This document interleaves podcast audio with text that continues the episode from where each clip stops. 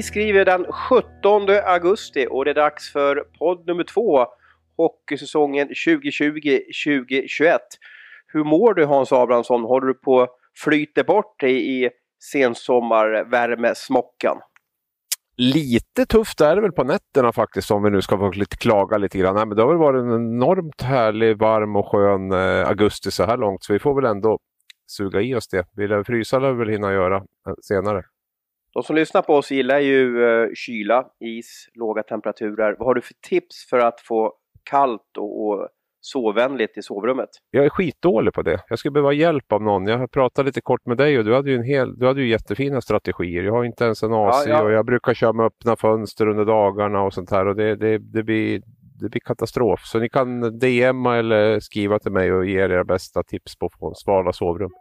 Mina hobbytips är i alla fall att, att stänga ner rummet totalt. Det ska se ut som en, eh, eh ett hus i, i Mellanöstern, det vill säga liksom filtar för, för fönstren och liksom det ska vara eh, tilltäppt och sen öppnar man upp när det har blivit lite svalt så att säga. För annars har man så mycket värme i rummet så att det går inte att kyla ner. Eller så köper man en bärbar AC, den är dyr, den låter mycket och den ger väldigt, det är som att sitta och andas i ett kylskåp så att ögonen blir snustorra. Men, men eh, Strunt om det. Vi måste prata om roligare och mer intressanta saker. Jag vill slänga mig in i det som hände förra veckan. Eh, träningsmatcherna körde igång. Och ur, ursprungsfrågan, eller startfrågan blir ju här, hur ska vi se på försäsongen, träningsmatcher? Är det bara, ska vi bara liksom tugga i oss popcorn och bara rycka på axlarna eller ger det någon typ av värdemätare på hur bra lagen är? Eh, jag tycker att det kan vara vissa indikationer. Sen eh, är det någonting jag vet efter 50 år i hockeyns tjänst så är det att försäsong är någonting helt annat än en, eh, en vanlig säsong. Så man ska definitivt inte dra för stora växlar av det där. Men jag tycker att det går att se vissa intressanta indikationer i alla fall. Eh, det som hände förra veckan då eh, och på något sätt så, så säger det egentligen ingenting då för vi hade Kristianstad slog Malmö med 2-1. Eh, Rögle slog Växjö med 3-1. Sedan så eh, slog Färjestad Västerås med 3-1 och HV slog Frölunda med 4-1. Örebro slog Djurgården med 10-1. Eh, så att jag menar, lagen slår ju varandra, men den resultat som sticker ut, och jag vet att du hade lite bevakning på det här, och sen ska man veta att Västerås slog Örebro med 2-0, så att då borde Västerås slå Djurgården med 12-13-0 om man ska följa någon typ av någon röd tråd i de här försäsongsmatcherna då. Eh, vi, vi, jobbade ju i torsdags och du bevakar den här Djurgårdsmatchen. Eh, är Djurgården så här dåliga eller, eller, eller, var det bara att de hade precis gått på is och, och, och kanske haft någon lagfest och var helt borta? Nej, men det är klart att de inte är så här dåliga. Det är det ju inte. Och det blir ju intressant därför jag skrev någon tweet om att oavsett, man förlorar inte med 10 oavsett om det är första träningsmatchen på säsongen. Och de, den tweeten väckte ju reaktioner hos vissa om att jag tar försäsongen på jätteblodigt allvar. Eh, och att det är superfel att göra det. Och det, det, alltså det, det, är två helt olika saker. här. Det jag, det jag lite studsar på är att man, man har ändå en stolthet emot klubbmärket, emot fans, oavsett vilken typ av match man spelar. Sen kan man förlora matcher och man kan förlora matcher mot lag från lägre divisioner. och man kan, alltså Det blir fel ibland. Men, men åka ut och ligga under med 1-10 efter drygt två perioder, Eh, och framförallt tycker jag om man är en, en, en klubb som, som Djurgården eller Färjestad eller, eller alltså då, det ser inte bra ut och, och, det handlar också om att jag sätter i ett... Djurgården går in i en säsong där man är lite ifrågasatt runt sitt lagbygge. Robert Olsson går ut inför första träningsmatchen och säger att det, det viktigaste han vill se är liksom killarnas karaktär och han vill se vilken identitet det här laget ska ha.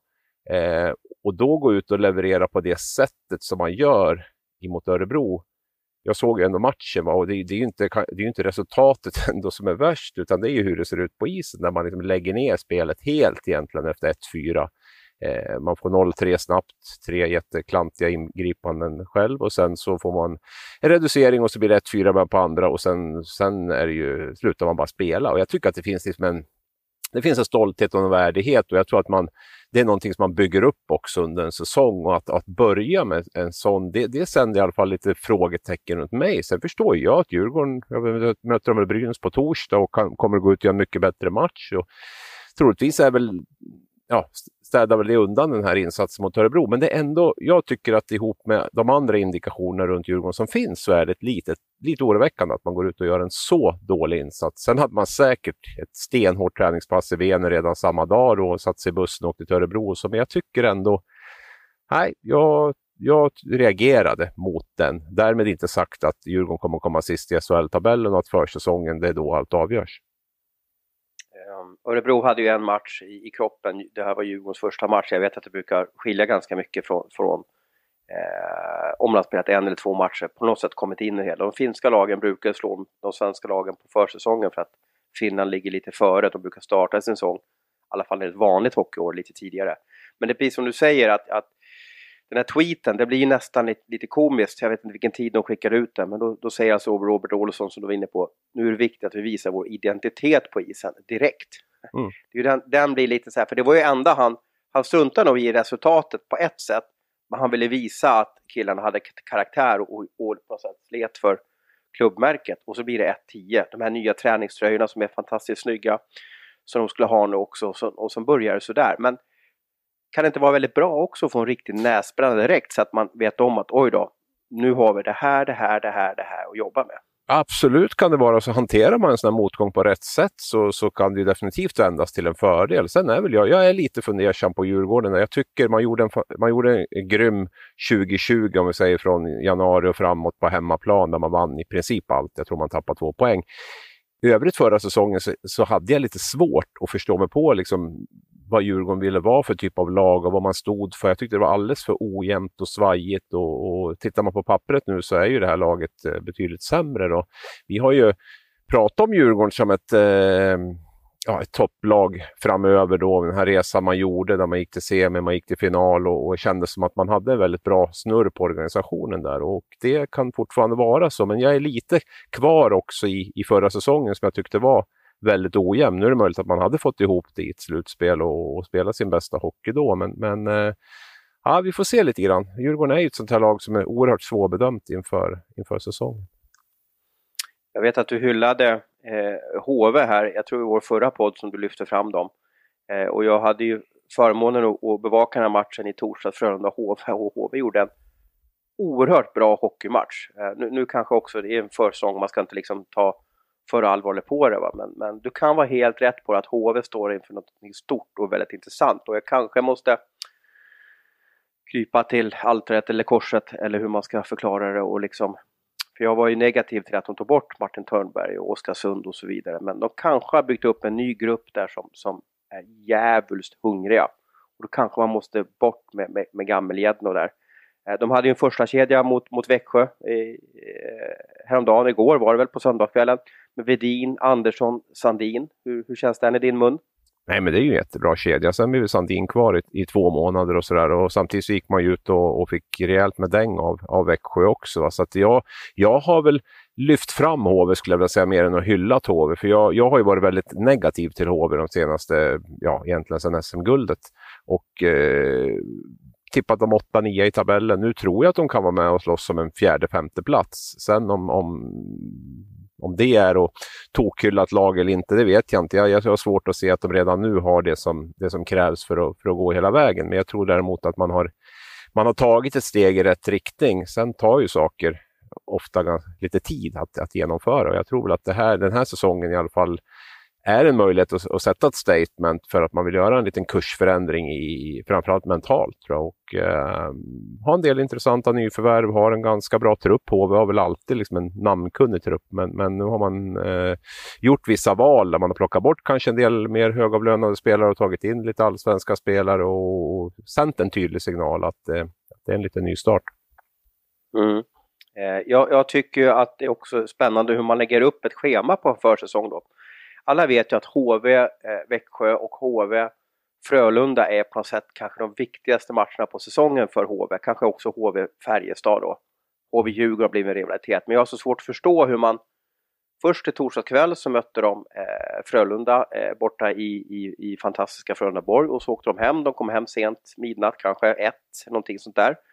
Och, och så var det fredag och så, så var det lördag och sen var det en ny match på söndagen borta mot en annan ärkerival då, eh, Växjö jag, jag, förstår inte varför om man kör första matchen, jag tycker man ska vila mycket längre på något sätt för att liksom minimera skaderisker. Eller så, eller så får man liksom då matcha in lite juniorer och, och på något sätt gå runt på lite mer folk. Jag har lite svårt för när man forcerar ett spelschema i början, speciellt när kropparna inte är vana med att spela matcher. Och det är därför det blir så här, ja, man slår Frölunda och förlorar mot Växjö. Ja, det säger väl kanske ingenting, men jag undrar om HV verkligen var mentalt där och fysiskt förberedda för den här Växjö-matchen. Nej, men det där kan ju vara, naturligtvis kan det finnas praktiska anledningar till att matchen har blivit så, men jag tror väl också, ja men det är väl ett jättebra kvitto för den här nya ledningen att se vilka är det som går ut och tävlar mot Frölunda när det är lätta ben och man känner sig kul att möta Frölunda och det är första matchen. Men än mer intressant, vilka är det som går ut och, och, går i bräschen mot Växjö två dagar senare när det är lite tyngre, man har liksom haft den här euforimatchen mot Frölunda, för så kommer det ju att se ut i serien och inte minst i slutspelet. Så jag tror att det var ett jättebra kvitto för, för HVs nya tränarstab. Vilka är det som, som klarar två tuffa matcher inom kort tid och vilka är det som vi behöver jobba lite mer med? Ja, jag tycker att det är lite med första matchen. Jag förstår hur du menar att man mm. vill se vilka, har, vilka är liksom vår de som går, går i bräschen här då. Sen ska man veta också att hela försäsongen för, för ja, speciellt lagen i Champions Hockey League då har ju blivit helt bara liksom slagit undan benen. För många av de här Frölunda, eh, Färjestad, eh, Luleå, Skellefteå som skulle spela i, i Champions Hockey League då, eh, de hade ju litat på att de fick en del hyfsade matcher i Champions Hockey League. Och nu så vips så försvann ju då Champions Hockey League-upplägget är ju förändrat. Man brukar ju varva igång nu i augusti-september. Och sen så brukar man köra nästa gruppspel under säsong och så final i, i eh, februari. Nu gör man en komprimerad säsong på grund av Corona och liksom kör under säsong. Och det gör ju att många tappar ju kvalitetsträningsmatcher och kanske teambuildingsresor som man har räknat med. Det gör ju också att många har ju fått liksom tjata in sina träningsmatcher under säsong och det har gjort att allting har blivit lite förändrat också. Så det är kanske därför som spelschemat är lite annorlunda. Men du ABS, mer på den här träningsmatchen som har startat igång, har du, har du fått någon aha-upplevelse eller har du sett någonting som du känner att ah, det där var, den där spelaren var bättre än vad jag trodde? Eller det där, hmm, frågetecken där. Är det någonting som du har liksom skrivit i din svarta bok där man inte vill hamna för övrigt?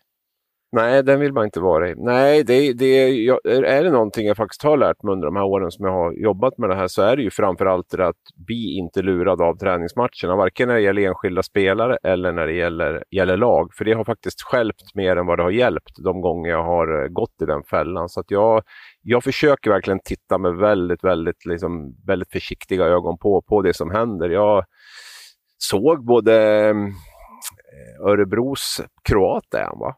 Borna Rendulic såg jag lite av. Ja, han, är bra, han hade bra skott sa du. Han har ett fantastiskt skott. Sen är han ju stor och stark och, och, och rätt så bra åkare också där. Så att, eh, han, han, han, såg intressant ut. Men, men eh, det återstår ju att se sen hur, hur det kommer att se ut i serien. Örebro generellt tycker jag, de har, de har ganska bra fart på, på offensiven där och det ska bli, ska bli spännande när Ibert och, och, och Näkyvi kommer in där också och, och se vad de... Det, det, är också ett svårbedömt lag tycker jag som, som jag inte riktigt vet om de är 11 eller 4 i tabellen. Liksom. För det, är, det känns som att det kom, de tre topplagen känner jag mig hyggligt säker på. De tre botten hyggligt säker på, men sen däremellan kommer det att bli så svårtippat. Så jag, jag tror inte jag varit med om, om att det har varit så svårtippat något år som jag har gått igenom tabellen. Så att det är, och Örebro är ett typexempel på sånt lag. Det kan bli, det kan bli allt från, från 4 till, till, till 11. Och det du säger, jag, jag nickar ju igenkännande. För jag minns att jag var utskickad till, oj vilken hall kan det ha varit? Ja, någonstans mellan Stockholm och, och Brynäs. Kanske Gimo eller eh, Norrtälje eller någonting sånt där. Och så ska jag se en träningsmatch med Brynäs 2000, det kan vara 2014 eller 2015. Uh, eh, och så hade Brynäs en ny norrman som heter Sondra Olden då, som mm. hade gjort 58 poäng i Vålerenga eh, och sådär. Jag tror han hade nummer 13, eh, ursäkta om jag har fel. Men jag tyckte han såg helt fantastisk ut på isen. Jag tyckte det var helt galet. Jag tyckte han, wow, han äger ju hela isen då. Nu var det här augusti. Jag vet att Andreas Dackell var parkeringsvakt på den här matchen. För jag träffade honom efteråt. Han styrde upp bilar och jag vet inte hur det gick till. Men, men ja, det är bra att de bjuder till gamla Brynäs-legendarerna där. Eh, men jag, jag, jag, tror ju att jag, antingen om jag skrev någon krönika eller om jag skrev en vanlig text där i alla fall på sätt signalen utåt att titta här, här har vi Espen Knutsen eller någonting sånt där. Och sen slutade det med att han gjorde i alla fall 14-15 eh, gjorde han 1 plus 1 på 20 matcher. Eh, och sen så ser det ut som att han blev utlånad till Vålerengen där om man kollar på Elite Prospect. Så att det går att göra bort sig och stirra sig extremt blind på försäsongen. Sen minns jag också, det är ju en sån här klassiker också, eh, säsongen 2006-2007. Mm. Eh, vet du vilket lag som vann, vann ja, SM-guld? Ja, det var Modo va? Ja, precis. Och jag sitter och läser här, det är Marcus Leifby som, som har skrivit en text och han har intervjuat tränaren Harald Lyckner. Den här intervjun gjordes då eh, några dagar före seriestarten. Och då säger Harald Lyckner, för laget förlorade sjätte, eh, de förlorade eh, sex av sju träningsmatcher inledde de eh, försäsongen med. Och då säger eh, Harald Lyckner, det offras inte en hörtand. Det har varit alldeles för klent, säger han till Marcus Leifby. Mm. Gillar du min värmländska där eller? Ja, jättebra. Jag tänkte nästan, det lät som du hade bjudit in Harald nästan i sändning. Ja, precis. Och eh, de förlorade mot, när, när den här uh, artikeln skrevs så de precis förlorat mot allsvenska Björklöven som inte var som Björklöven är idag. Eh, med 4-2 då. Men Eh, eh, eh, det gick ju ganska bra. Men du vet, då hade de ett lag med Niklas Sundström, Hans Jonsson, Mattias Temander, Andreas Salomonsson, Per Svartsbadet. Alla kom ifrån NHL. Och jag kan tänka mig att det är sådana spelare som tycker att det är oerhört sömnigt att spela på en måndagkväll borta mot, mot Löven. Absolut, och det är ju också sånt som man behöver liksom väga in i, i när man gör en bedömning på ett lags försäsong också, vilken, vilken typ av lag man har. Jag menar, som, om vi tittar på ta Djurgården till, till, exempel så tror jag att det är lag som, som verkligen, man har ju inte den skillsen nu den här säsongen så att man kommer att vara ett, ett lag som kommer att spela ut andra lag utan det handlar om att vara ett krigarlag. Det moderlaget som du nämner här nu, det är precis som du säger att där fanns det ju väldigt många många äldre spelare. Karol Krishan tog väl knappt en puck på försäsongen om jag minns rätt. Om man ja, han stod inte i den här matchen mot Löven heller. Nej, jag, nej. Så att, och, och, och, hade ju många sådana här meriterade och, och, för deras del handlar det ju mer om att, bara få, få pumpa igång säsongen. Så att, eh, ja, nej, men det, det är också en viktig aspekt i det, vilket lag det är. Sen ska vi säga att Harald är väl ingen klockren värmlänning innan vi blir uppätna heller. Han är väl från Mariestad från början. Här för mig. Men jag tycker han pratar lite värmländska. Ja, men han har ju bott där så länge. Ja. Så det är klart han har gjort. Vad är Mariestad? Västergötland? Ja, men nu, nu får du inte, vi får inte göra bort oss här i sändning. Nej, chansar. Nej. Jag hänger, jag, jag, jag det här är geografi i årskurs 5, ja, det är många år jag sedan. gillar geografi. Men eh, jag kanske har fel. Men jag säger Västergötland. Du, eh, uppstudsquiz. Jag vet att du kommer bli förbannad på mig för det här. Då, men mm. eh, Modo värvade in en, en duktig eh, finsk spelare under säsong som till slut avgjorde hela den här hockeysäsongen. Vad hette han? Christian Kosela. Ja, bra. Vad bra att ja, du den. Jag, ja, ja. Den, den, där var du snäll. Där var du snäll. Ja, den, men det, det var ändå det, många år sedan. Få, ja, men det är den här som man ofta drar fram när man ska prata sena februarivärvningar, eller januari var det väl på den tiden, eh, som, som har varit lyckade. Så är ju han en, en sån. Så att, eh, den, den brukar man ju ha med på de här tilläggslistorna som man gör. Som inte lika, ja, vi gör lika ja. ofta längre. Så jo då, Christian Kosela kommer jag ihåg. Det. Precis, jag svävar ju iväg lite men det är så konstigt med hans, eh, jag är inne och kollar på den fantastiska sajten eliteprospects.com då så kollar jag, han, han kom ju från S1 till Modo. Uh, för, eller grundserien 11 matcher, 6 poäng sådär. Och sen exploderade han då med 8 mål i slutspelet på 20 matcher. Uh, men sen, han åkte bara tillbaka till Finland och bara har kört på sen dess. Han gjorde ju mm. supersuccé. Alltså jag undrar, han, han, han gick ju till Kärpet efter Modo. Han måste nästan ha signat med Kärpet redan innan. Förstår vad jag menar? Mm, För att mm. snacka om förhandlingsläge när det blir slutspeciellt i Sverige och, och lönebilden mm. i Sverige har alltid varit högre. Eller så trivdes han inte i Sverige helt enkelt. Då.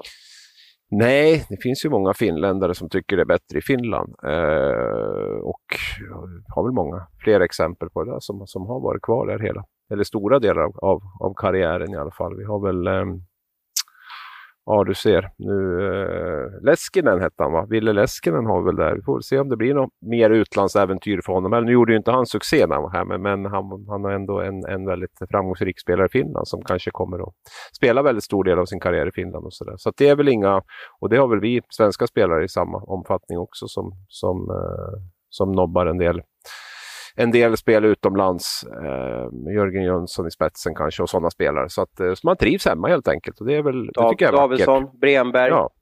Dick ja. Axelsson. Ja. Och alla de här som har kommit hem, Anton Medin, Jakob Nilsson och så vidare.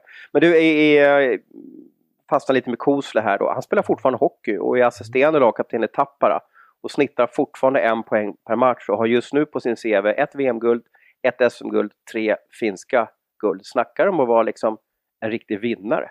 Ja, han har ju spelat mycket med landslaget också. Jag inte helt ute och cyklar nu så var väl han med i det här bragdlaget där i, som, ja, som vann VM där. För bara... ja, då, är det han, då var hans VM-guld ja, precis. Ja, precis. Det är 13 år då, eller 12 år blir det väl då. Det var 2019 va? Så eh, efter SM-guldet med Modo där. Och då var han ju inte purung kändes det som när han kom heller. Men eh, nej, han har haft en, en häftig karriär, det måste man säga. Det är alltid härligt att bara liksom försvinna ner i, i Elite Prospect eller, eller i minnenas allé och sådär. Det älskar jag väldigt svårt. Eller jag, jag, jag, jag, kan, jag, kan, jag kan sitta och, och elitprospekta spelare i AHL och ramla in i obskyra liksom poängligor och så vidare. Jag tycker det är helt magiskt att sitta med det. Eh, har vi någon mer spaning från eh, träningsmatchen som har varit? Är det något mer som du har blivit konfunderad över eller lycklig över? Oj, nu måste jag tänka igenom vad vi satt. Djurgården och Örebro hade vi där och sen satt jag och kollade på Rögle, Växjö och det var väl inte något sådär superuppseendeväckande. Växjö har ju satsat hårt på en, på en superkedja, jag kan väl kalla den för, med Robert Rosén och Emil Pettersson och eh, Rickard Gynge då. Eh, du som var inne på att HV hade en superkedja, så det verkar ju verkar ju som att de ska gå lite all in på att det ska vara det offensiva lokomot lokomotivet och eh, hade väl tufft tycker jag i två perioder där. Nu är det försäsong, eh, betydligt bättre i tredje och sen så hade de väl en ganska rejäl urladdning mot, mot HV här så att eh, det kommer ju vara en... Robert Rosén är ju lite sån här vågdelare bland, bland mm, svenska mm, hockeypubliken där. Det är många som tycker och tänker om, om, om honom. Jag har klipp, klipp, klippt ut en fråga här från Twitter som jag gärna vill ta ja. i, som passar extremt ja. bra in just nu då. Det är Liam Johansson Johansson då. Han heter Johansson29 på Twitter. Ehm, I en eh, konversation med Dyngklumpen så skriver han, är Rosén överskattad? Svar ja, men han är fortfarande en väldigt bra SHL-spelare. Så att ja, han är en bra spelare då, men, men överskattad, är inte det elakt att skriva så om Rosén? Jo, jo. Det är väl ingen som tokhyllar Robert Rosén, tycker jag. Liksom. Det krävs väl nästan det för att man ska vara överskattad eh, med tanke på den poängskörd som han alltid står för, för i SHL. Så att överskattad tycker jag definitivt inte. Annars känner det väl en, en annan diskussion runt om räcker hans fart till i SHL 20, 2020?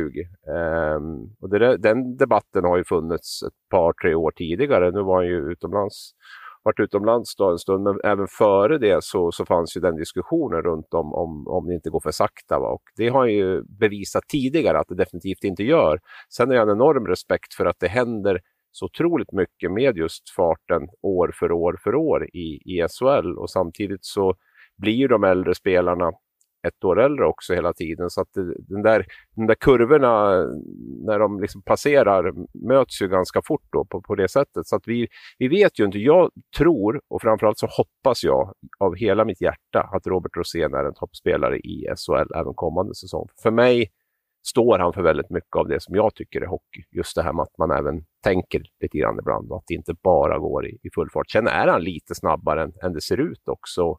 Och framförallt så har han ju en, en, en, en blick för spelet och en smartness som, som gör att han inte behöver förflytta sig lika fort som, som eh, hans, eh, eller många av hans medspelare och motspelare gör. Så att, eh, han är ja. ganska liten i kroppen, ganska liksom bra med, med eh, åkförändringar på isen och ganska liksom sådär småkvick på små ytor kan jag tycka ändå. Sen mm. tror jag att han kanske inte liksom slår någon på och, och åka, ö, åka idioten över hela isen fram och tillbaka. Det kanske han inte gör. Men, men han, han, han, har ju det här som lite Ryan Lash, vrida, vända, tittas, se isen 180 grader och kunna slå en backhandflip så, som Rickard Gynge får öppet mål. Och den, det är inte många som kan göra det. Jag, jag tycker att det är no-brainer med, med Rosén. Jag tycker han, för en gångs skull tycker jag SHL har, kommer bli lite bättre kommande säsong än, än tidigare säsongen. Det är för att jag tycker inte tappet har varit så stort i år. Och vi har fått in ganska många bra spelare. Jag vet inte om det har att göra med covid eller vad det är för något då. Uh, men, men, vanligtvis så brukar SHL bli lite sämre för de bästa då till Schweiz, Ryssland, AHL eller NHL. Men i år så tycker jag att det är, ja, i alla fall jämn nivå, kanske inte bättre men jämn nivå. Men Rosén kom ju hem han ha, är så skicklig så att säga. Liksom. Så han kommer vara en av SHLs fem eller kanske tio bästa spelare. Och just i powerplay så har han en sån kunskap och med Joel Persson, Gynge. Och intressant att se Elias Petterssons bror där, Emil, om han studsar tillbaka.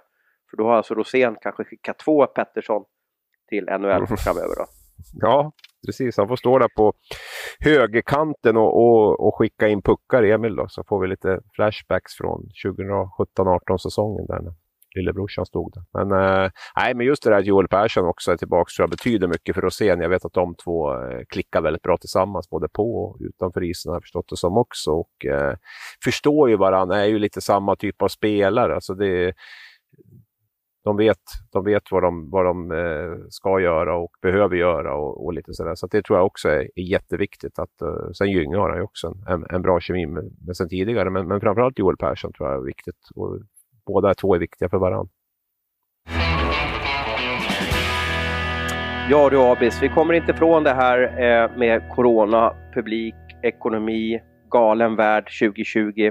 Eh, det öser in frågor på sociala medier och, och var är man går, eh, om man går på ICA eh, och om man sitter och tar en öl på, på Bear Factory. Det enda som min hockeyomgivning pratar om det är blir det spel? Blir det spel med publik? Kommer klubbarna klara av det ekonomiskt? Det är på något sätt, det ligger som ett mantra, i alla fall i den värld som jag befinner mig i och i den omgivning som jag befinner mig i. Då. Eh, och vi pratade om det här förra veckan. Eh, har du ändrat ståndpunkt eller har du fått någon annan input nu när du har varvat igång och, och din säsong har startat? Ja, men lite kanske. Jag fick ju en del kritik för att jag var så svart och, och negativ. Eller kritik, jag fick väl en del eh, funderingar till varför jag var det. Och eh, nu har jag jobbat en vecka och nu har jag väl ägna en stor del av den veckan till att försöka få info. Det är ju, och, jag, jag, och det är väl egentligen inget nytt från det jag kände i, i måndags. Jag, jag tror ju att det kommer att bli någon typ av publik på matcherna. Kanske redan från, från premiären, men att det kommer att vara med ganska stora begränsningar. Nu såg jag intervjun med Amanda Lind igår på Dplay heter det kanske. Och, ja, eh, med, med Tommy och, Åström där på Ja, Tele2. precis. De satt på ett öde Söderstadion, höll jag men det heter Tele2 nu. Och, eh, och, eh, nej, men det är väl klart att, att trycket börjar bli större och större, inte minst från fotbollen kan jag tänka mig. Som, som, jag menar, det, det problem som hockeyn upplever är ju, är ju en lätt bris jämfört med det fotbollen upplever. För fotbollen har ju snart gått en, ja, över halva säsongen nu utan att få spela med publik. Hockeyn har ju inte drabbats egentligen någonting utan man fick ställa in slutspelet och fick man ekonomisk kompensation för eh, och, och, och så vidare. Så det är ju först nu, men framförallt då att fotbollen behöver ju, behöver ju få in folk och, och eh, jag tror också att det finns ett värde i att hockeyn får det och jag tror att det finns ett värde av att människor besöker eh, idrottsarenor igen, för, om inte lite för välmåendet och sådär. Sen funderar jag lite grann på någonting som jag tänkte på precis när du ringde här om Ja, om vi säger att vi får släppa in en tredjedel, vilket jag tror är en siffra, eller jag vet är en siffra som har, har diskuterats, så, så, eh, så hamnar vi väl kanske på 2 500 någonting i snitt då, i, i bästa fall. Och, Men hur ska man selektera? Ja, och då tänker jag så här, är det inte försäsongskortsköparna som, som, eh, som ska ha de platserna? Jo, men många arenor har ju kanske mer säsongskort än så. Ja, men om, vi säger att, jo, men om vi säger det, och då, för mig så är det lite grann pengar som kanske klubbarna snudd på budgeterat med. Ja, för jag vet ju att många har ju liksom gått ut med de här kampanjerna om man efterskänker även om det inte blir matcher. Så att det är väl pengar som man redan har och som man kanske på ett sätt också har räknat med att, att, eh, att få in. Plus mm. att man då kanske inte får in alla som har, som har köpt säsongskort. Men det är väl klart att det, det är positivt att, eh, att det kommer in folk oavsett hur den är. Så, så är det. Och det är bättre att kunna erbjuda sina säsongskortsinnehavare att de får gå på matcherna, att de bara ska stå och pröjsa.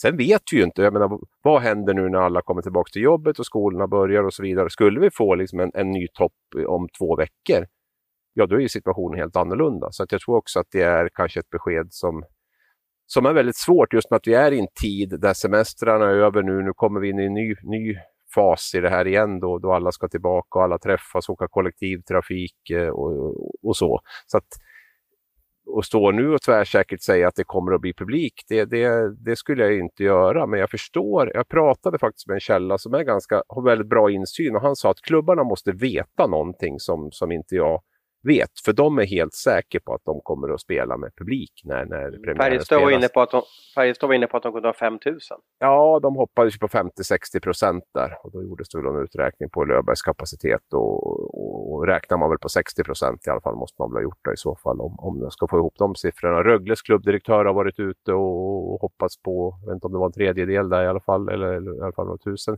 Schweiz Selekte Selekteringen blir ju jätteintressant alltså. Vem ska väljas ut och få gå på hockey hockeymatcher. Alltså då. Ja, man lär ju, jag har ju svårt att se att man inte prioriterar för, försäsongsköpare, eller kort, ja, vad heter det, säsongskortsköpare. Då. Men, men, och sen får man väl göra i så fall då en, en, en ett rättvist schema bland, bland dem. Då, liksom. att de som inte blir erbjudna första matchen får väl bli det andra, då, så får man väl gå. Man får väl numrera de här säsongskortsköparna från 1 till 3221 eller vad de är och sen får det väl får det vara ett rullande schema i så fall. Om det nu blir det är, så. Det är ju inte publik i, på sittplats eller ståplats med problemet egentligen. Det är ju inpassering. Mm. Det är köbildning. Det är det de är oroliga för. För då kan ju smittan spridas om den, den finns där. Om man sitter, om man har en stol mellan varandra eller två stolar med varandra, då är det ju lugnt. Men det är ju när du ska mm. in i arenan Uh, och, och, tar också hockeysupporten då ett ansvar. Uh, jag hörde att Tyskland hade något system där de ville sätta upp värmekamera vid inpasseringen och så, och så blinkar rött om någon hade för hög temperatur i kroppen för då fick inte den komma in då. Eh, sådär. Och då är man ju mer trygg att det inte kommer in någon med feber. Sen vet inte jag, jag ska inte slänga mig in i någon expertutlåtande om covid, men jag vet inte om feber och covid är liksom hundraprocentigt eller om man kan ha corona och liksom ha vanlig 36,5. Det, det, vet inte jag då, men, men Tyskland har i alla fall pratat om att, ha, att alla som kom skulle liksom värmeskannas då genom, genom stora, ja, inte vet jag, några fotoceller på något sätt där som ska sitta i taket. Då. Mm. Och som jag vet inte om jag sa det, med Schweiz då har ju godkänt tus, plus tusen åskådare. Det är väl inget fastställt utan det är varje kanton ska väl ta ett beslut där. Men i alla fall att det är mer än tusen då som ska släppas in och de har ju varit väldigt mycket mera ja, restriktiva tidigare. Slog ju ner, stängde ju igen långt tidigare. Nu var ju smittan där, där tidigare också. Men, men ändå va, så är väl det en signal på att det, det kommer att vara någon typ av, av publik. Sen eh, kommer ju inte någon typ av publik att rädda eller liksom göra jätteunderverk med ekonomin. För jag får ju för mig att det är ju ändå de här utsålda husen och, och det där som gör det här lilla, lilla extra i kassan. För det kostar ju också att arrangera matcher och det kostar att åka på bortamatcher och allt. Va? Så det, är väl, det är väl möjligtvis att man kan få till ett nollsummespel där om man har en, en begränsad antal åskådare man får ta in. Och mm. eh, den stora frågan är ju när får vi fulla hus igen. Eh, och det, det känns långt bort just nu. Men, men, men tänk dig vilka uppsving när det blir fulla hus. Alltså, tänk om vi varvar igång lite nu, småmyser lite, får se matcher, fina prestationer på isen. Och så börjar de släppa på mer och mer och mer. Alltså vilken, vilken, vilken, vilket drag det kommer bli. Vi säger typ att från första december, det kommer ju, alltså, arenorna kommer ju välta av, av intresse. Liksom. Tror du att det finns någon risk att, att, man gör, att det blir ett annat beteendemönster? Jag tänker så med handel till exempel, att man kanske handlar mer, ännu mer via nätet och så att, folk, att det inte blir samma intresse av att gå på match? Eller tror du att det här kommer att, att bara stegra intresset Jag att tror att det finns ett uppdämt behov som inte går att mm. och, och uppfatta hur stort det är. Jag tycker folk nästan, om man pratar med en vanlig hockeysupporter så är det nästan den som ibland så får man ju frågor så här, snälla hur kommer det gå för Luleå i vinter? Och då, på något sätt, då ser man i supportens ögon att, att den vill höra att det kommer gå bra för att då blir den lugn ungefär. Och jag har lite samma känsla här också att många är liksom, de vill höra snälla får jag gå på hockey i vinter? Och säger man ja då, då blir de liksom precis som att man dragit in världens trissvinst. Så jag känner, ja, det är många som, idrotten är jätteviktig för många. Eh, eh det är så viktigt att få umgås, prat, prata hockey glädjas, gråta, eh, skratta. Eh, det, det, är en samhällsfunktion som är... Det går nog inte att förklara hur viktigt det är för många människor. Nej, eh, nej, att, Men du också, det jag tänkte säga det här med... Vi ser att, du, de släpp, att hockeyn börjar i SHL 19 september. Eh, vi ser att de tar in 50 av. Då är det ungefär 3000 människor i snitt som ska gå på matcherna. Eh, du vet, då måste du ha vakter, du måste ha inpassering. Alltså kostnader, kostnader, kostnader. Men de kommer inte öppna upp kiosken. De kommer inte öppna upp mat, de kommer inte öppna upp öl, läsk. Jag tror inte de öppnar upp souvenir eller inte. Och då menar jag med kringintäkterna sjunker ju drastiskt men kostnadsbördan finns ju där. Och så kanske de bara släpper in säsongskortsinnehavare, pengar som de redan har. Mm. Där blir det ju intressant för klubbarna hur länge de orkar stå ut utan HV tjänar ju en miljon per match, en riktigt bra hockeymatch. Mm. Uh, och det är ju på, delvis på lös, lösrörelsebiljetter men sen har vi hela det här liksom kommersen som finns runt en match innan, under och kanske några sekunder efter. Mm. Ja, nej, det, Det är, det är en jättestor fråga det här och jag, jag, jag, tror att det är ett väldigt känsligt läge just nu i och med att det som jag var inne på, att vi, vi vet inte riktigt vad som, eh, men, men när, ja, vad som händer när alla träffas igen. Men, men eh, när det blir ett normalläge igen, så där, där det verkligen går att trycka in fulla ståplatser och fulla arenor, det, det känns väldigt långt bort. När jag lyssnar på intervjun med Tommy Åström och eh, Amanda Lind, där, eh, idrottsminister Amanda Lind, så man sitter ju liksom sådär, vi är ju arbetsskadade, man, man lyssnar på varje ord hon säger och liksom försöker få någon klar bild hur det är. Men jag, man får ju inte det så att säga. De är ju, nu är de ju politiker, men jag skulle vilja ha ett datum att ja, men så här ligger till att på onsdag har vi möte då, och då ska vi diskutera det och det, det, vi kan ta de här tre besluten, pang, pang, pang, och sen har vi om en vecka ett nytt möte och då kan vi besluta det, det, det. Men de är extremt skickliga på att inte ge någon sån där liksom agenda eller almanacka till oss och så vidare utan det är väldigt liksom Förmodligen sitter de kanske nästan varje dag i slutna rum och pratar om det här men de vill kanske inte få ut det för då skulle vi ringa och jaga och, och, och tjata och så vidare kanske då. Men, men jag skulle vilja veta när kommer ett beslut? Jag tycker inte man liksom riktigt får det liksom, så att man kan ja, stänga dörren ungefär. Okej, det blir ingen publik från första december. Fine, bra. Det är de här premisserna som gäller. Ja, och det är det här som är vårt problem ibland. För vi får ju ofta de här att nu måste ni ställa den och den mot väggen. Eh, politiker eller ishockeyförbundets ordförande eller vad det är. Och när man liksom gör de här intervjuerna och man sitter efteråt, man försöker verkligen liksom och nagla fast dem och sen sitter man och lyssnar efteråt. Det är precis som du säger att de, de svarar aldrig ja eller nej eller definitivt på en fråga. Och det är ju någonting som säkert står högst upp på deras medieträningslista så är, så är det ju det att lås inte fast dig vid någonting utan ha hela tiden öppet. Va? Och, så, och det, är de ju, det är de ju duktiga på, men det blir ju väldigt...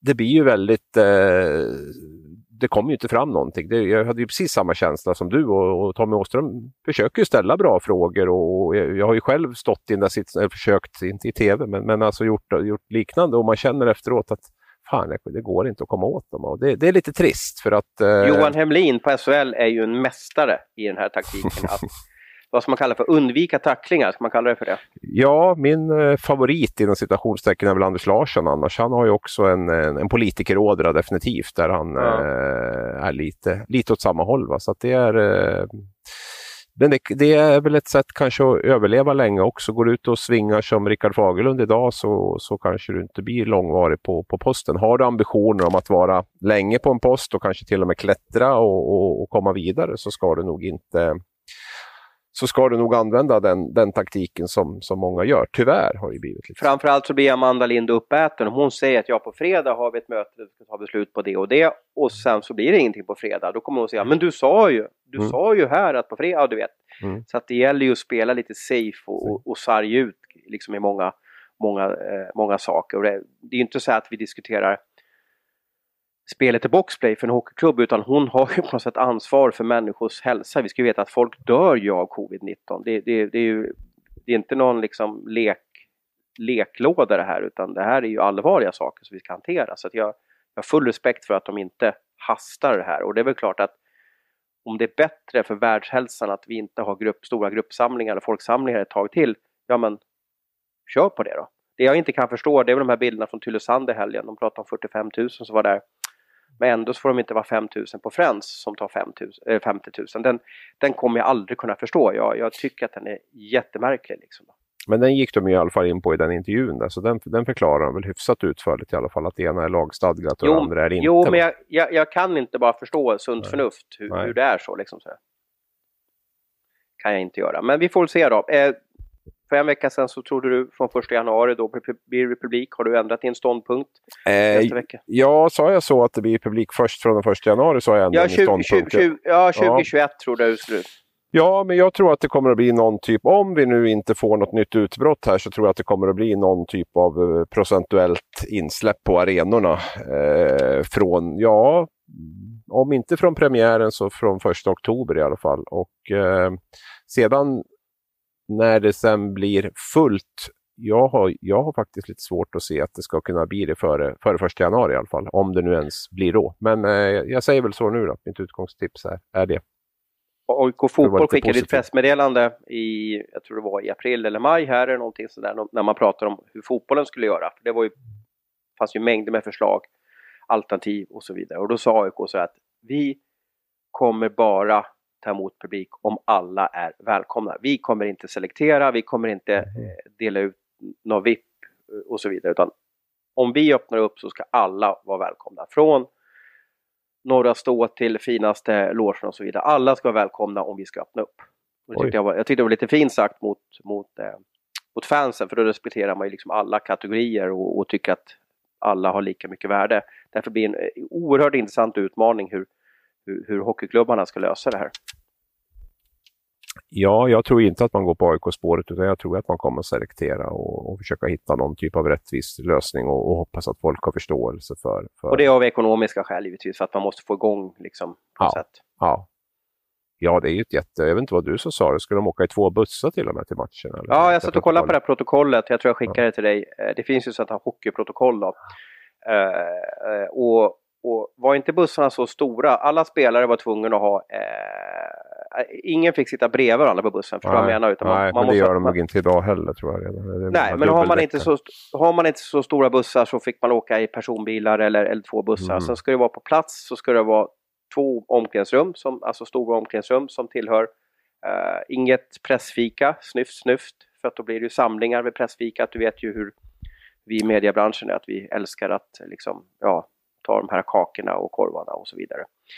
Eh, så att det finns ju ett stort protokoll, det ligger på Svehockeys hemsida om ni, ni vill nörda ner i det. Det kanske inte var så mycket för fansen utan det var ju mycket för arrangören hur man ska tänka och, och, och ha det. Men jag reagerade lite på det här med, med, med eh, busskrav. Sen und, undrar jag vem som ska följa upp det här. Så att säga. Vem ska, vem ska liksom kontrollera varje match så att det går korrekt till eller träningar och så vidare. Jag ska ju till Strömstad i veckan här och då ska ju tre lag samsas. Tre lag, kan det röra sig om 110 personer eller vad kan det, vad kan det vara?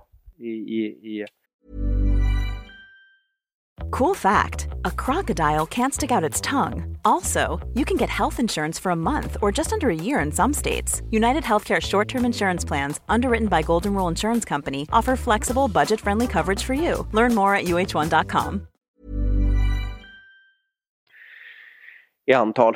Ja, 30-35 kanske det blir med allt möjligt med materialare och sjukgymnaster. Och, Jo men totalt tre lag då. Ja, jo, Då men då blir det väl ja. 105 då. Ja. Jag tänkte, tänkte 105 personer som ska samlas där i, i lilla Strömstad ishall och, och liksom sådär. Eh, ja, det blir ju en utmaning där hur man ska få ihop det. Jag vet att Frölunda också var lite sådär... Det var prat om en bankett men de liksom sa nej men vi, vårt medical team har sagt att det, vi, vi hoppar den då. Eh, Mm. Så, så det är ju en osäkerhet där ute. Mm. Eh, men vi får se hur det blir och vi får i alla fall hoppas att, att det, det blir någon typ av supporterskap på matcherna för det behövs. Ett annat hett ämne senaste veckan eh, som kanske är lite, lite svårare att ta på och, och som har den här äh, gränsdragningen politik, äh, historik och, och kanske också, det blir ju lite ishockey här, det är ju det som händer i Belarus. Man ska säga Belarus nu då istället för det som vi kallar för Vitryssland tidigare enligt eh, reglementet.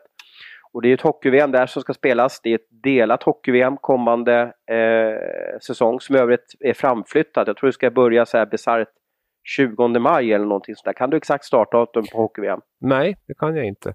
Jag tyckte det stod 20 Ska jag maj. googla? eller 24. Ja, vi kan väl säga att vi spelar väl safe. Eh, om om hockey-VM började 8-9 maj före till 3-4 maj så, så uppskjutet två veckor. Så kan vi göra lätt för oss. Mm. Eh, och det är ju för att eh, grundserierna i de olika ligorna ska liksom ha tid på sig nu då. då är 21 det alltså maj lätt- till 6 juni. Ja, precis. Ja. Eh, och det är alltså Lettland, Riga och eh, Belarus, Minsk som ska ha ett delat mästerskap men, men Belarus då är huvudnation då. Och nu är ju eh, det precis varit val i eh, Belarus och Lukasjenko då, han som har styrt landet med järnhand i 25 års tid. Man kallar ju det här för en av de sista diktaturerna i, i världen. Och jag vill inte ge mig in i den om det är en diktatur eller inte, det kommer jag släppa. Men folket är väldigt missnöjda med hur det här alltid går till och det, det är stora folksamlingar ute i Minsk och, och man, man kan gissa sig fram att någonting stort kommer hända i det här landet nu. Men tycker du att de ska få förmånen att ha ett hockey-VM? Nej, det tycker jag inte. Samtidigt så är det ju lite, vad, vad händer om vi nu får en ny regim inom två, tre veckor eller en eller två månader? Ska, ska man då låta det, det nya då förhoppningsvis demokratiska regimen arrangera ett, ett, ett, ett, ett hockey-VM? Det, det, är ju, det är också en fråga som man kanske bör... Och klara, klara nationen av det också? Nej, det är ju högst tveksamt och det här är ju, det här är ju en problematik som har diskuterat under, under egentligen hela 2010-talet eller hela 2000-talet. Att det, det blir ju allt vanligare att de här diktaturerna, totalitära staterna får arrangera de stora arrangemangen. För ska du genomföra en demokratisk process där alla kostnader och eh, ska, ska liksom godkännas så är det ju enormt svårt att, att, eh, att få igenom att arrangera ett, eh, ett OS eller ett VM eller, eller vad det än kan vara. Det är ju, det är ju något vi har, vi har sett allt tydligare att det blir ett det blir en, eh, det blir en affär för, för de här staterna som, som, som kan bestämma lite själv hur man gör och som har lite egna kassor för stora arrangemang och ser en stor vinning i att det landet kan arrangera en god publicitet och PR för, för, för sitt relativt eller väldigt smutsiga styre som många gånger är. Så det, det, är ju det är definitivt så att jag tycker inte att, på rak fråga tycker jag definitivt inte det. Och det är ju än mer anmärkningsvärt att det här landet nu arrangerar sitt andra VM inom sju år. Vi var ju, vi var är, det sju, är det sju, är det, var det sju år sedan vi var där? Ja, det måste ju varit OS-året i alla fall, för det var ju, det var ju då 2014 måste det ju ha varit som, som det var. För jag, jag vill minnas att det var OS samma år, att det inte var lika hög status att ha VM i, i hockey då, det när det var. Det är att, jätteintressant att man får två hockey-VM på sju år. Ja, jag vet att Rys Ryssland brukar ha ganska ofta eh, också, men, men det förvånar mig att det, det är ju inte världens största, bästa hockeyland det här heller. Nej, långt eh. därifrån. och det säger väl lite grann om vilken typ av organisation som IHF är också, som, som, som nu enligt ja, Anders Larsson var det som sa på demokratisk väg då har, har liksom röstat fram det här eh, landet att återigen få, få arrangera. Hur, upp, hur, upp, hur upplevde du Minsk och, och Belarus när vi var där? Nej, men väldigt bra om jag ska vara helt ärlig. Alltså det, det, var, det var ju en väldigt, dels en väldigt trevlig tid att vara, eller så årstiden var ju, det var ju fin, alltså så, en fin stad och på, på alla sätt och vis. Sen, sen, sen är väl inte jag den som är mest expert på alla övervakningskameror och avlyssningar och hur det fungerar och så där. Men jag förstod ju naturligtvis. Jag hade ju exempelvis så var ju all media fick ju bara bo på ett hotell och det var ju för att man skulle ha full koll på, på, på alla journalister som kom dit. Och, och det kändes ju även jag kunde ju liksom förstå att, vi, att det fanns eh, någon typ av övervakning av oss också. Sen fick jag väl också känslan att det här är ett land, så länge du går i mittfilen, så länge du inte liksom sticker ut eller bråkar så funkar det helt okej. Okay. Men så länge du, när du vill yttra dina åsikter och ha andra åsikter än det som regimen har så tror jag inte att det var speciellt kul att, att bo där. Men eh, mina kommer två... två saker, eh, jag kommer ihåg två saker där från den VMet. Jag tror du och jag åkte en taxi Eh, så småpratade vi lite med taxichauffören, han kunde engelska då, inte, engelskan är kanske inte det mest gångbara eh, språket där. Det är lite tufft att kommunicera eh, där, men då, då, vet jag att han pekade uppåt på en, ja vad det nu var, det såg ut som några brandlarm eller någonting som satt i taket och sen så så sa han bara Lukasjenko is the best leader we ever had. Och så liksom, ja, han menade väl på det att han var över, att han var, ja, någon som lyssnade på vad allt, allt som sades då. Mm. Eh, var det du och jag som satt i den taxin eller blandade ihop det med någon annan? Det kan säkert ha varit du och jag, det ja. låter så. Ja. Sen vet jag att eh, varje gång jag kom in på mitt rum, jag hade ett fantastiskt hotellrum med, med eh, balkong och allting och utsikt över, över Minsk. Så stängde man dörren eh, och sätter man inte i kortet så var det ju svart. Men då vet jag att det, det lös en blå lampa i taket hela tiden.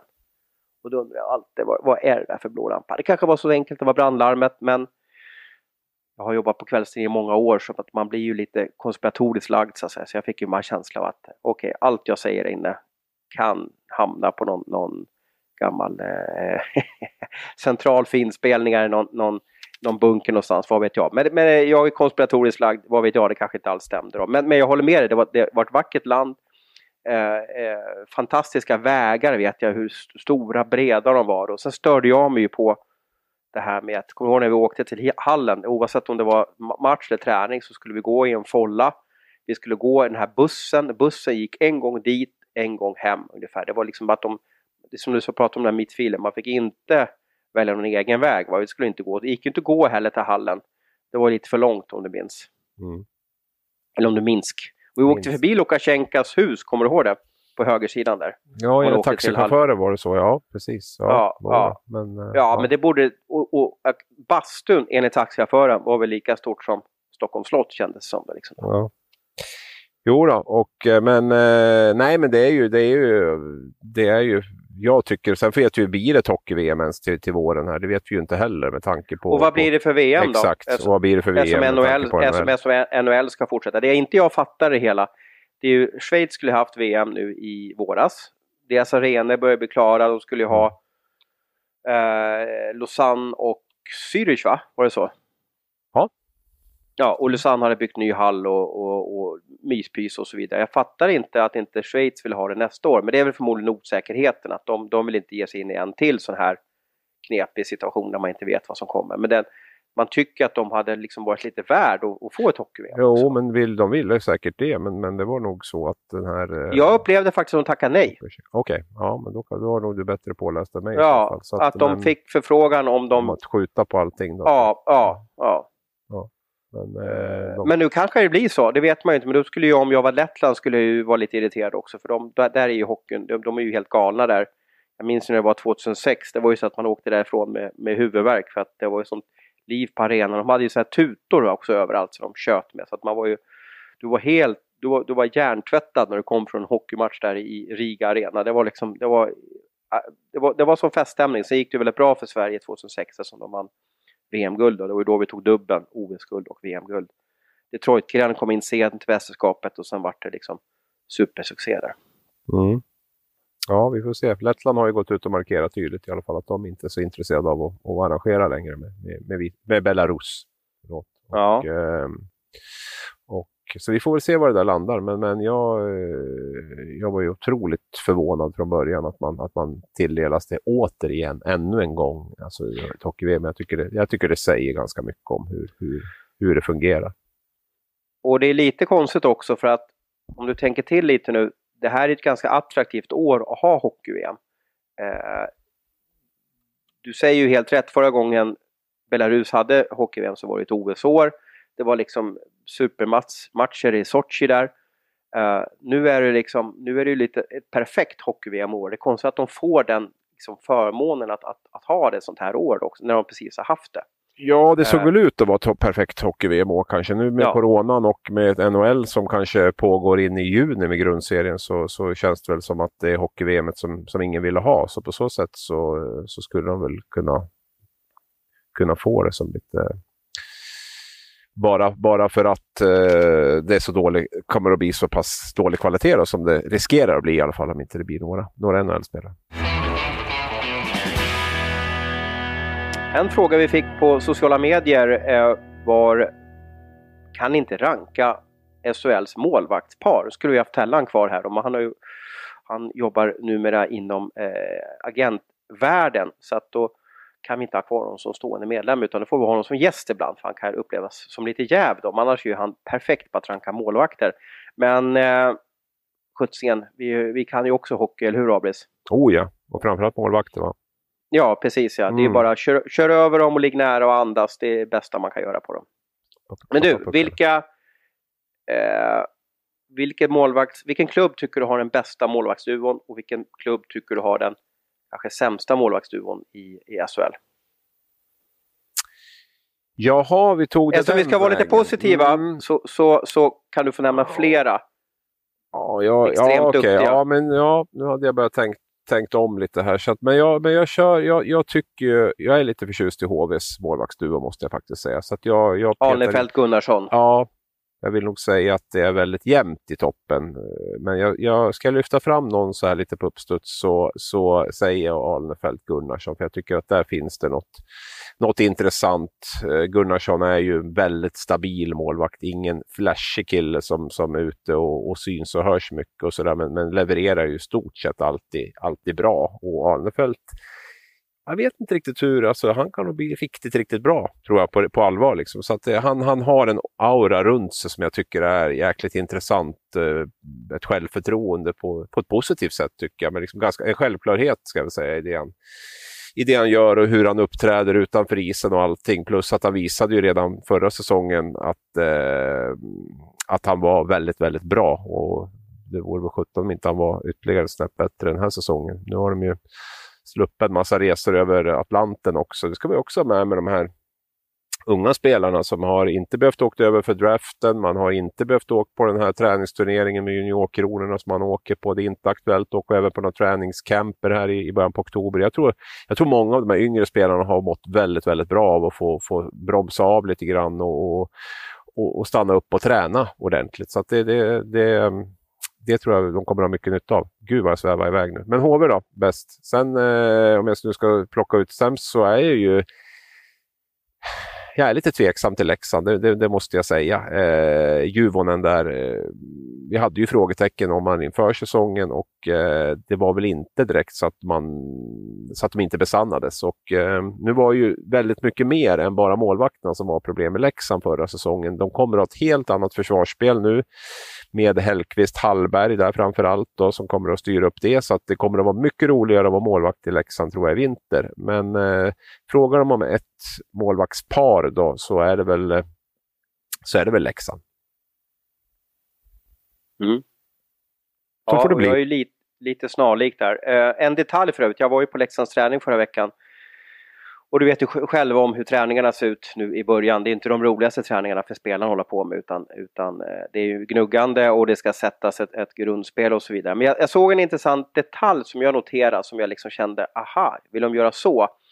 Eh, som jag upplever det för när, när eh, om det kommer en 2-1 så ska liksom försvarande lag då, backen där eller om det är en center som hamnar i den situationen och så vidare, liksom ligga i mitten och sen på något sätt ner med klubban och, och ta bort möjligheten Eh, eh, till flippassningar till den andra spelaren som liksom kan skapa ett öppet läge. Då. Men, men, men vem det nu är i Leksand som sätter försvarsspelet, det skulle låta vara osagt. Eh, men, men, där vill de att backen eller spelaren som är, är, är ska försvara ska gå stenhårt på puckföraren, det vill säga liksom rusa ut så att tiden den har på sig eh, ska bli så kort som möjligt i alla fall. Och det här märkte jag att det var jätteovant, i alla fall för, för Leksandsspelare, kanske säkert andra lag som jobbar så här. Och det är kanske en Oskarshamns panten modemodell det här, det, det, vet inte jag. Men det var intressant att se hur de nötte den lilla detaljen. Jo, typ det jag, vet, det jag vet att många klubbar anammar, eller det, det, finns ju en liten variation i när, när backen ska gå ut mot puckföraren. Jag vet att toppcirkelkant har varit, varit vanligt hos, hos flera klubbar, att man, man, man avvaktar, ligger emellan fram till toppcirkelkant, men då, då går man ut mot, mot Här var det stenhårt. Att jag går ut, jo, precis. Men man kan, ju liksom inte, man kan ju inte kastas ut i mittzon. Liksom. Det, det, det är ju tufft. Utan man måste ju ja, välja sitt läge. Men vi får, vi får väl se. Men jag är övertygad om att det är eh, Hallberg och Hellqvist som, som styr med försvarsspelet. Och sen får väl Karlberg... Förmodligen är Hallberg, eh, kan jag gissa. Så kanske Karlberg mm. kommer in med lite expertis ja, i, i, i powerplay där han fokar nog på det offensiva spelet. För det. Men nej, men Hallberg och Hellqvist har ju samma, samma spelidé och allting, så de är nog ganska överens om hur de ska göra. Men det gäller ju att och, och, och eh, få alla spelare att, göra likadant. Då. Precis, och det är därför man ska orka blåsa av och, och tänka till hela tiden nu. För, för, det är då man sett ett mönster, ett beteende eh, hela vägen framåt. Eh, idag, måndag. Vi skriver den 17 augusti så har HV71 kallat till presskonferens. Hur var det med dina målvaktsval då? De, de försvann Ja, men vill du höra den? Ja, ja, ja det, dina ja. åsikter är väl alltid intressanta? Ja, ja vi, vi snubblade bort. Vi tar, vi tar ja. Jönköping lite senare. Eh, vi ja. kommer in på, på detaljer där, nörderi i defensiv zon som gjorde att jag tappade tråden. Eh, jag tycker, jag håller med dig om, om Leksand. Eh, Kanata har ett stort ansvar i Oskarshamn. Levererar inte han på den här nivån, men jag, jag, jag, tror att han kommer göra det. Jag tror att han är så pass skicklig och, och stor rink funkar för honom. Men jag, jag tycker precis som du att eh, stort frågetecken för eh, Juvonen och Brage. Eh, sen bästa paret jag gillar jag gillar, vad heter det, HV71, eh, fantastiskt med en äldre rutinerad målvakt. Eh, om nu man kan kalla Gunnarsson för äldre, jag vet inte var gränsen går för när man är äldre. Och så en ung kille i Alnefelt. Eh, men jag väljer ändå att lyfta fram Niklas Svedberg och Mantas Armalis. Armalis är ju för övrigt den, den bästa målvaktsnamnet forever. Tänk om han hette Armolis istället. Då, liksom då. Ah, ja. Eh, de två tillsammans, jag såg ju Armalis i Djurgården för några år sedan. Han är tufft i Skellefteå, men de två ihop, för mig är det två första målvakter i SHL som ska bilda en duo. Eh, och om de bara stöttar varandra, det är jag övertygad att de gör, så, så behöver Djurgården egentligen inte, och det här är ju liksom självmål att säga det här några dagar efter 1-10 Arslet. Vem var det som stod den matchen för övrigt? Svedberg. Svedberg, ja. Eh, jag kan tänka mig att han är så som är helt oinsagerad på, på försånger för övrigt. Då. Eller svårt att tända till. Men jag tycker Djurgården har den bästa eh, målvaktsparet just nu. Vi behöver ju inte Tellan här. Du hypar Djurgården ändå, så det var ju perfekt.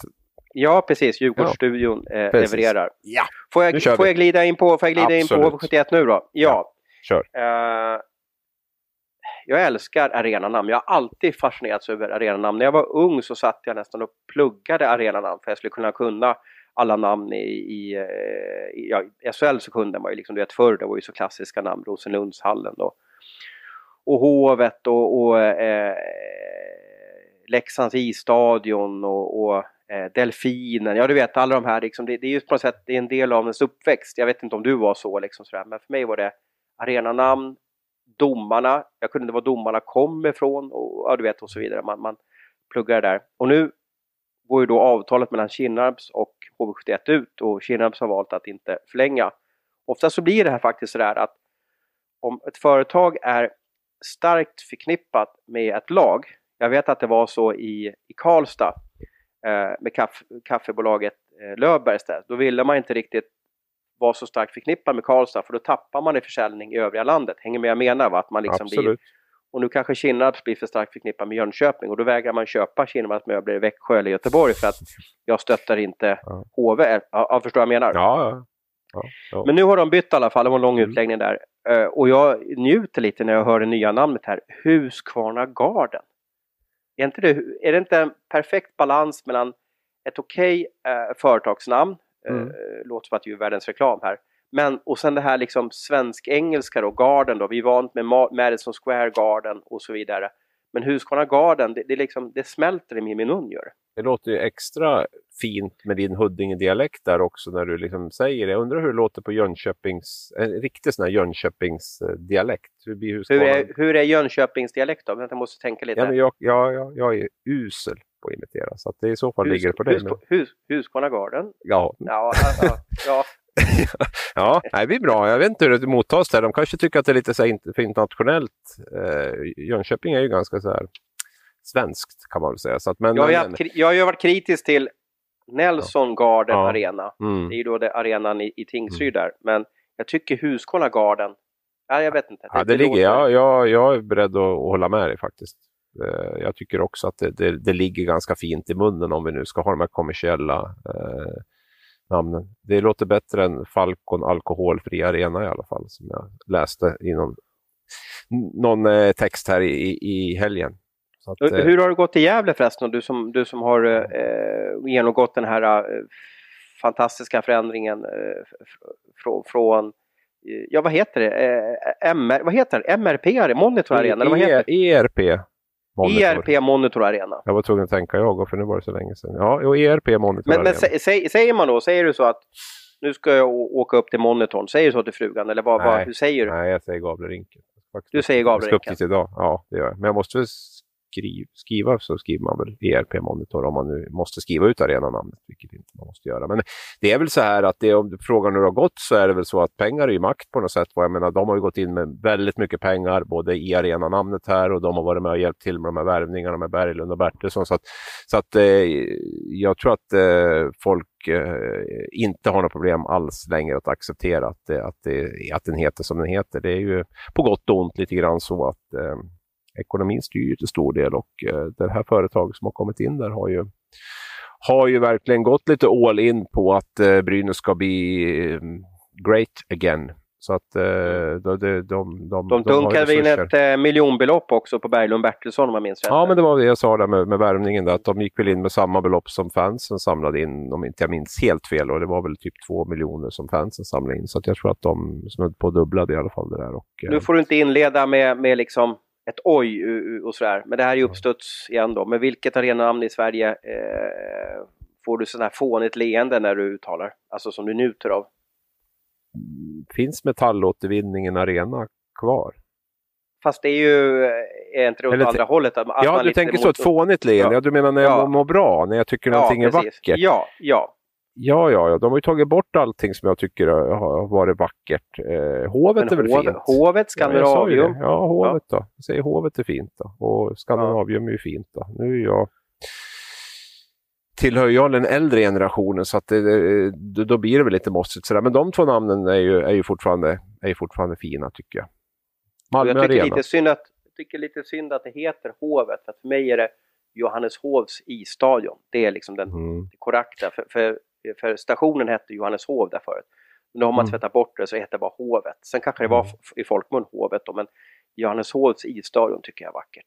Var det Gullmarsplan som hette Johanneshov förut? Eller? Den stationen? Nej, det var nog Globen. Globen station som Globen. hette Johanneshov då. Ja, ja. Nästa Johanneshov ut med grön linje där, om det var Ja. 17, 18, 19 eller vad det var som gick dit eller något sånt där då. ja, det är mot Hagsätra och Högdalen. Där. Ja, men du, eh, eh, i ditt område där, Borr och Tång Arena. Det var alltså Ja. en lokal tandläkare som sponsrade en arena. Eh, Ja. I vilken by var det i? Det var i, Valbo. i Valbo. Finns den kvar, Borr och Tång Arena? Nej, vet du vad den heter nu? Nickeback, kan det vara så Nick, eller? Nickback Arena. Ja. Nickeback. Ja, efter en eh, regionens mest kända och skickliga hockeyspelare faktiskt. Som har gått in Nummer och- 19 där ja, precis. Ja, som är uppväxt i den, den ishallen som ligger alldeles vid motorvägen där. Vilket är det sämsta arenanamnet då? Vem, vem, om, du så, om du får magont då, uppstötningar och Ja, men och det var väl två som jag nämnde då. Falcon Jaha, Alkoholfri Arena och Metallåtervinningen Arena är väl Ja. två sådana där som på uppstuds som jag, som jag inte tycker ligger så jättebra i munnen faktiskt. Och det blir väl lite så här krystat med... Metallåtervinning. Und, undrar om det är den lokala skroten där som har sponsrat. Det är ju spännande att, att de har Ja, sådana men är det inte, är inte något sån här att man ska återvinna, men finns det inte något så här typ som returburkar eller någonting, att det är något liknande med metall? Ja, vi ska inte ge oss in i det och vi ber om Nej. ursäkt om vi har sagt någonting fel. där. Nu har vi babblat i 65 minuter så Oj. nu har alla som spr- sprungit milen sitter ju och väntar på att slänga sig i duschen så nu måste vi liksom ge oss här. Ja, flummigare än vanligt kanske vi var, men, men det blir Nej, nog bra. nej. vi, vi lite, lite, lite konkreta var vi. Nej, men jag tycker Kom gärna med feedback, kom med åsikter, kom med tankar. Eh, jag tror att ni vet var ni eh, hittar oss någonstans och ha nu en riktigt trevlig och skön sista sommarvecka.